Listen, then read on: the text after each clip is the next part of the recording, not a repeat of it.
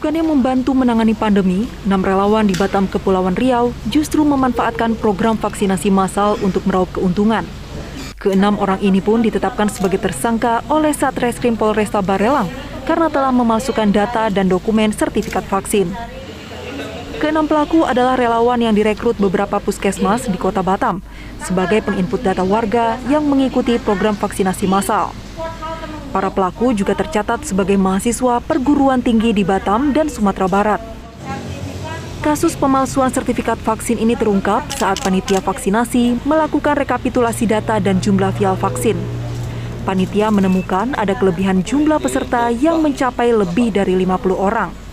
Setelah diselidiki, lebih dari 50 orang itu tidak ikut vaksinasi.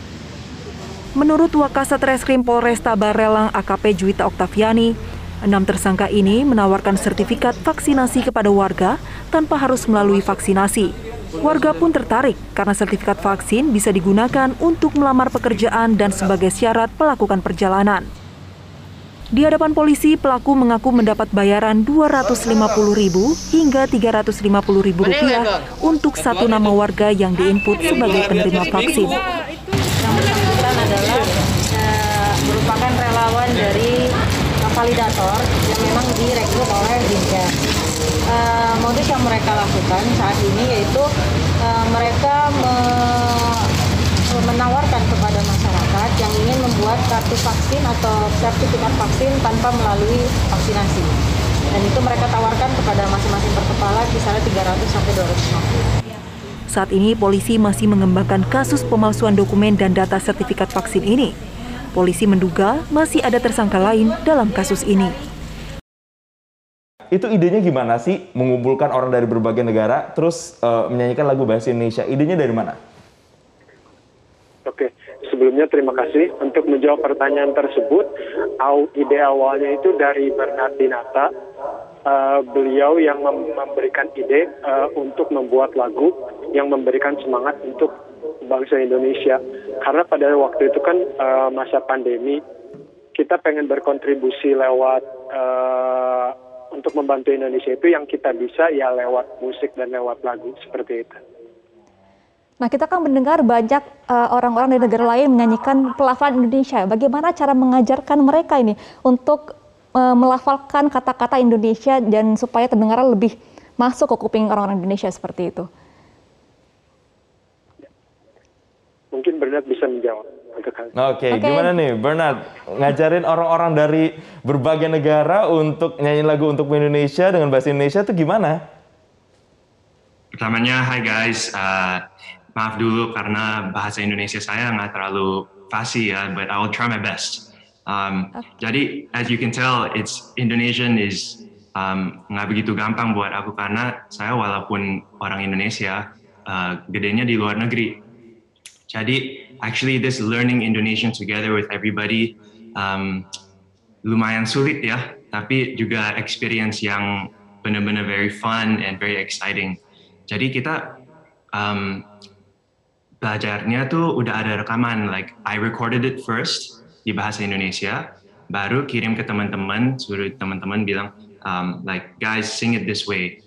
Terus kan teman-teman kita juga nggak pernah ngomong bahasa Indonesia. Jadi uh, for them ada berapa orang yang mesti tanya again and again like um, is this right? Should we sing it this way? Um, jadi kita yang mesti like explain it to them how it works. Yeah. Hmm. Oke, okay, tapi Bernard, kamu tahu kan kalau lagu itu akhirnya viral dan booming di sosial media, terutama di Indonesia, anak-anak muda di Indonesia tahu?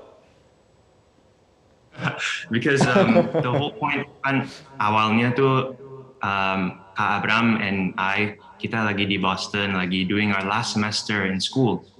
Jadi pas telepon ke papa mama yang masih di Jakarta, they told me uh, sekarang kondisi di Indonesia lagi um, not doing so well dan um, kita berasanya Indonesia perlu disemangatin. So I thought to myself, you know what? Let me write a song. Let me write a song for my people. Um, and the first person that I thought about was Kak Abram because Kak Abram um, udah lama di music music scene Indonesia.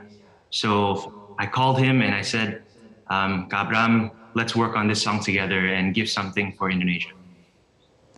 Baik, nah proses pembuatan lirik lalu aransemen lagunya ini butuh waktu berapa lama pembuatannya? Sebetulnya untuk lagunya sendiri kita selesaikan dalam waktu satu minggu dan lalu setelah itu kita produce musiknya. Waktu yang cukup lama itu waktu kita uh, menunggu jawaban dari uh, orang teman-teman kita. Jadi total itu kurang lebih tiga bulan prosesnya -hmm. sampai selesai hingga video.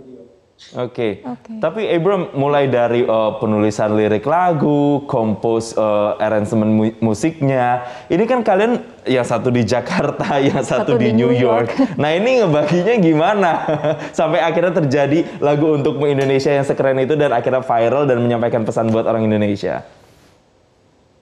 Uh, ya waktu itu kebetulan waktu penulisan liriknya sendiri pun juga saya uh, terus terang lagi pulang ke Indonesia karena waktu itu kan pandemi mula-mula. Jadi kita benar-benar tektokan apa yang bisa kita lakukan selama dalam perjalanan. Kita selesaikan lagu lalu produce musiknya itu kita online. Kita nggak ketemu sama sekali dengan semua teman-teman kita itu juga. Oke, nah kira-kira ada nggak uh, karya yang akan dibikin lagi gitu untuk menyemangati Indonesia. Karena kan ini cukup viral ya karyanya dan ada nggak menyemangati lagi untuk Indonesia? Karena kan sekarang kondisi ya belum semakin membaik karena semakin tinggi kasus COVID uh, kira-kira ada nggak bentuk untuk menyemangati lagi lah warga-warga Indonesia ini? Next karyanya gitu ya? Iya next karyanya. Mungkin dari uh, Bernard dulu ada rencana untuk ke depan ya. bikin karya lagi? Uh, jadi buat lagu ini sekarang kita lagi I was discussing with Kak Abram. Um, bro, what do you think kalau kita rilis lagunya lagi, tapi kali ini kita um, join together artis-artis dari Indonesia sudah nyanyi. So um, sekarang sih kita udah ada berapa artis Indonesia yang udah setuju. Um, but at the same time, if anybody else wants to come and sing the song, please contact us supaya kita bisa bikin versi baru. Bernard, tapi gini, kalau ngelihat lagu tadi menggait banyak orang dari berbagai negara dan lagunya dikhususkan untuk Indonesia. Sebenarnya Bernard pesan uh, moral apa sih yang ingin disampaikan lewat lagu itu sebenarnya kepada orang-orang Indonesia terutama? I think the most important thing is kasih all of the people of Indonesia spirit karena sekarang kita lagi di, ma uh, di masa pandemi ini ada banyak orang yang kondisi hatinya lumayan down. Jadi our job as musicians, as artists is we just want to help people um, dan kasih orang semangat. Oke, kalau dari Abram sendiri apa kira-kira pesan yang ingin disampaikan lewat lagu tersebut dan pesan moral untuk orang-orang Indonesia yang mendengarkan lagu itu? Ya baik, uh, saya sebagai musisi pengen berkontribusi uh, kepada Indonesia. Maksudnya saya melihat para tenaga medis yang berusaha dengan sangat keras, uh, pemerintah yang berusaha sangat keras untuk menekan uh, virus corona ini. Sementara kita uh, dampak yang kita berikan itu nggak seberapa gitu. Jadi saya cuma bisa membuat lagu, membuat musik untuk memberikan semangat untuk bang bangsa Indonesia karena saya yakin kita sebagai bangsa Indonesia bisa melewati semua ini. Baik, amin. Kita sama-sama berdoa semoga pandemi uh, segera berakhir dan terutama dalam menjalani pandemi ini semoga uh, masyarakat Indonesia tetap semangat, terutama sudah dapat suntikan booster lewat lagu untuk Indonesia yang selalu menjadi pengingat untuk kita. Patroli PPKM oleh Kapolri Listio Sigit Prabowo diawali dengan mendatangi pedagang di kawasan Pasar Bangun Harjo, Kota Solo, Jawa Tengah. Kapolri menyapa para pedagang sambil memberikan bantuan sosial serta mengingatkan agar terus patuh terhadap protokol kesehatan dan aturan PPKM untuk mencegah penyebaran COVID-19. Patroli Kapolri dilanjutkan mengunjungi rumah-rumah warga untuk membagikan bansos dan masker untuk meringankan beban mereka yang terdampak pandemi. Di Jakarta Pusat, penertiban PPKM darurat juga digelar TNI dan Polri. Selain mengimbau pedagang menutup lapak jualannya lantaran telah melewati batas waktu yang ditentukan, petugas juga memberikan bantuan berupa sembako dan vitamin kepada para pedagang yang kedapatan berjualan di atas pukul 8 malam. Meski mengaku tak sepenuhnya mencukupi kebutuhan sehari-hari, namun aksi ini ternyata menarik simpati para pedagang yang langsung menutup lapak dagangan mereka. Kapolsek Metro Tanah Abang Kompol Singgi Hermawan mengungkapkan pertiban dilakukan mengingat masih banyak warga berkerumun hingga malam hari. Razia serupa akan terus digelar petugas dengan mengedepankan cara-cara yang lebih humanis untuk meningkatkan kesadaran masyarakat selama masa pandemi. Prof, ini setidaknya ada tujuh jenis obat yang biasa digunakan untuk pasien COVID-19, yakni azitromisin, kemudian ada favipiravir, imunoglobulin, ivermectin, oseltamivir, remdesivir, dan juga tocilizumab. Nah, betulkah obat-obatan ini tepat digunakan untuk pasien COVID-19, Prof?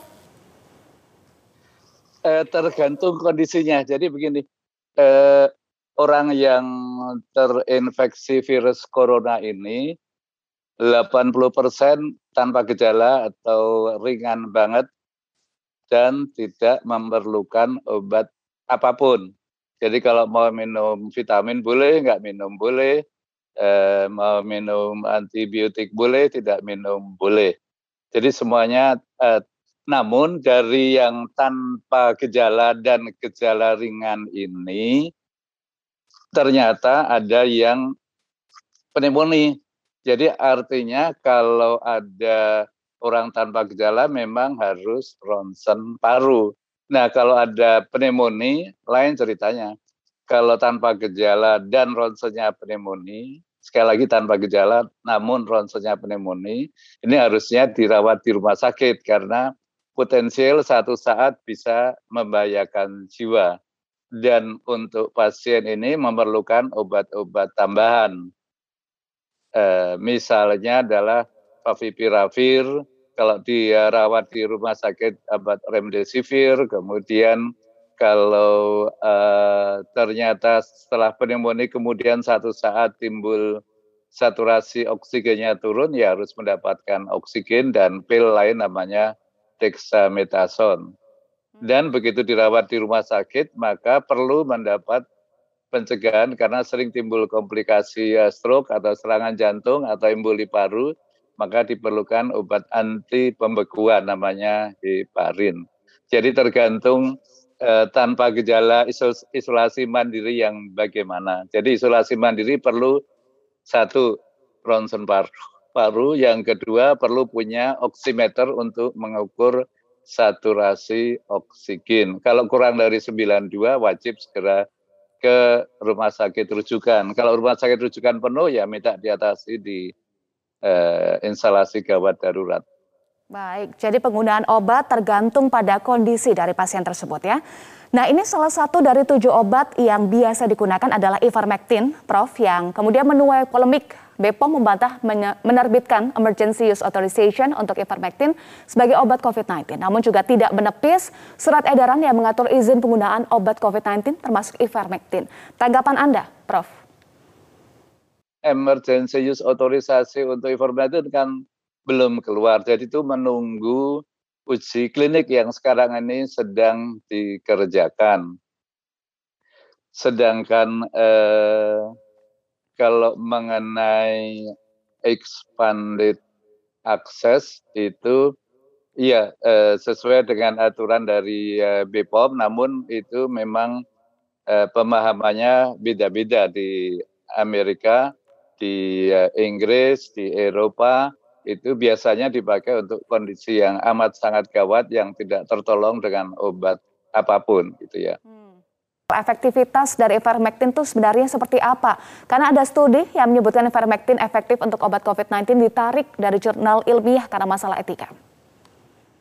Memang eh, mengenai ivermectin ini ada pro and cons. Ada yang mendukung, ada yang tidak penelitian-penelitian juga begitu. Ada yang uh, bilang ada manfaatnya, ada yang bilang malah membahayakan banget. Ya. Jadi biasanya begini, uh, cara kerja sistem uh, kedokteran itu, jadi mula-mula ada penelitian, penelitian kemudian uh, di review hasil penelitiannya oleh BPOM atau FDA atau EMA Eropa atau oleh WHO. Nah, kalau uh, penelitian ini uh, hasilnya dinilai memang signifikan bagus, tidak ragu-ragu, maka kemudian dikeluarkan izin. Hmm. kemudian perhimpunan-perhimpunan profesi kemudian membuat guideline bahwa obat itu yang sudah disetujui itu boleh dipakai. Dalam hal ini eh, ada penelitian yang memang benar ada gunanya, eh, namun kemudian dari penelitian-penelitian keseluruhan itu kemudian eh, biasanya kalau ada penelitian terbaru yang bagus yang bermanfaat akan dibikin perubahan dari izin. Nah dalam hal ini sampai sekarang FDA Amerika against tidak boleh sama sekali. Kalau dari uh, Eropa emergency apa uh, European Medicine Agency ini juga uh, tidak boleh hanya boleh untuk penelitian. WHO juga bilang belum boleh. Baik. Uh, Indonesia kita menunggu uji klinik. Jadi memang benar ada uji klinik di luar negeri yang mendukung bahwa bermanfaat, ada uji klinik yang uh, sebaliknya yang sama sekali tidak bermanfaat yang malah membahayakan. Baik. Baik. Untuk diketahui yang dulu dikira amat bermanfaat di India sekarang ditarik tidak boleh dipakai lagi di sana. Baik. Baik, sekali lagi kita masih menunggu uji klinik dari ivermectin, tetapi selain obat-obatan, Prof, apa saja yang perlu diperhatikan saat isolasi mandiri? Karena ini data dari lapor COVID-19, laporkan hingga Rabu 14 Juli 2021, ada 548 pasien COVID-19 yang meninggal dunia saat isolasi mandiri. Iya, sebetulnya kan begini, ya, definisi isolasi mandiri dulu. Jadi eh, positif, kemudian ke seorang yang positif ke layanan kesehatan, kemudian dirawat atau tidak dirawat, atau isolasi mandiri, atau di rumah, atau di wisma atlet, atau di hotel. Ya. Nah, dalam hal pengertian yang sekarang, banyak sekali yang sebetulnya harus dirawat, rawat inap di rumah sakit. Namun tempat tidak ada. Jadi karena posisinya sebetulnya harus dirawat, artinya bukan bukan OTG, bukan yang ringan. Jadi uh, jadi biasanya pasien ada atau ada panas atau ada sesek atau pada ronsen walaupun OTG ada pneumonia eh, atau kalau diperiksa di eh, dengan eh, oximeter ini eh, ketemu saturasi oksigennya rendah banget, maka itu harusnya rawat inap rumah sakit. Minimal rumah sakit, eh, tenda rumah sakit darurat, tapi dirawat tidak di rumah. Nah ini yang menyebabkan beberapa eh, cukup banyak orang isoman menjadi meninggal karena seharusnya memang tidak dirawat di rumah.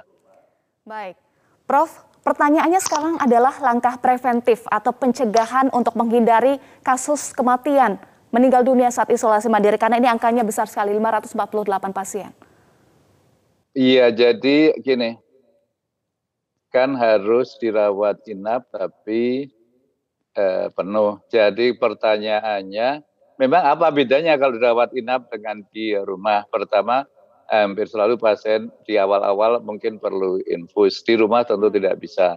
Namun ada beberapa obat lain yang sebetulnya bisa dilakukan di rumah. Jadi pertama, eh, misalnya eh, obat virus, jadi favipiravir atau avigan itu bisa diberikan. Jadi kalau dulu memang obat ini adanya hanya di rumah sakit dan hanya diberikan kalau pasien dirawat, sekarang ini bisa di apotek, bisa di beli bisa diresepkan oleh uh, dokter. Jadi uh, pertama tadi di rumah tetapi minum favipiravir. Hmm. Satu. Yang kedua, nah kalau misalnya diperiksa dengan oximeter ini oksigennya turun rendah kurang dari 92 kan memerlukan oksigen. Nah, oksigen ini memang sempat beberapa waktu ada masalah serius di pengadaannya namun sekarang mulai lumayan jadi oksigennya ini bisa eh, jadi pasien bisa datang ke instalasi gawat darurat walaupun tidak bisa masuk ke ruang rawat inap namun di IGD bisa diberi oksigen. Ya, atau ada beberapa orang yang menyediakan oksigen di rumah itu mengenai oksigen. Yang ketiga kalau benar eh, ini kurang dari 92 dan perlu oksigen karenanya itu bisa diberikan juga obat minta di uh, uh, IGD rumah sakit uh, itu adalah dexamethasone bisa eh, kalau di rumah ya pakai pil dexamethasone. Itu menolong banget. Jadi ada beberapa hal yang bisa dikerjakan di rumah. Namun yang paling penting ya tambahin dong bed rumah sakitnya. Jadi eh, rumah sakit rumah sakit darurat kan katanya misalnya di Surabaya ya. setiap kelurahan akan dibangun rumah sakit darurat. Nah itu sudah uh, sudah siap belum? Kemudian di kota yang lain itu ide yang bagus mungkin bisa ditiru karena kalau Baik. harusnya dirawat namun dirawat di rumah ya seperti sekarang angka kematian bisa tinggi banget. Baik. Karena pada umumnya kan angka kematian kalau pasien dirawat itu di Indonesia termasuk lumayan rendah. Hmm. Jauh di bawah tiga persen, kalau di Jakarta bahkan di bawah dua persen. Baik, kuncinya adalah di obat dan juga penanganan serta menyediakan fasilitas kesehatan yang juga siap begitu ya Prof ya?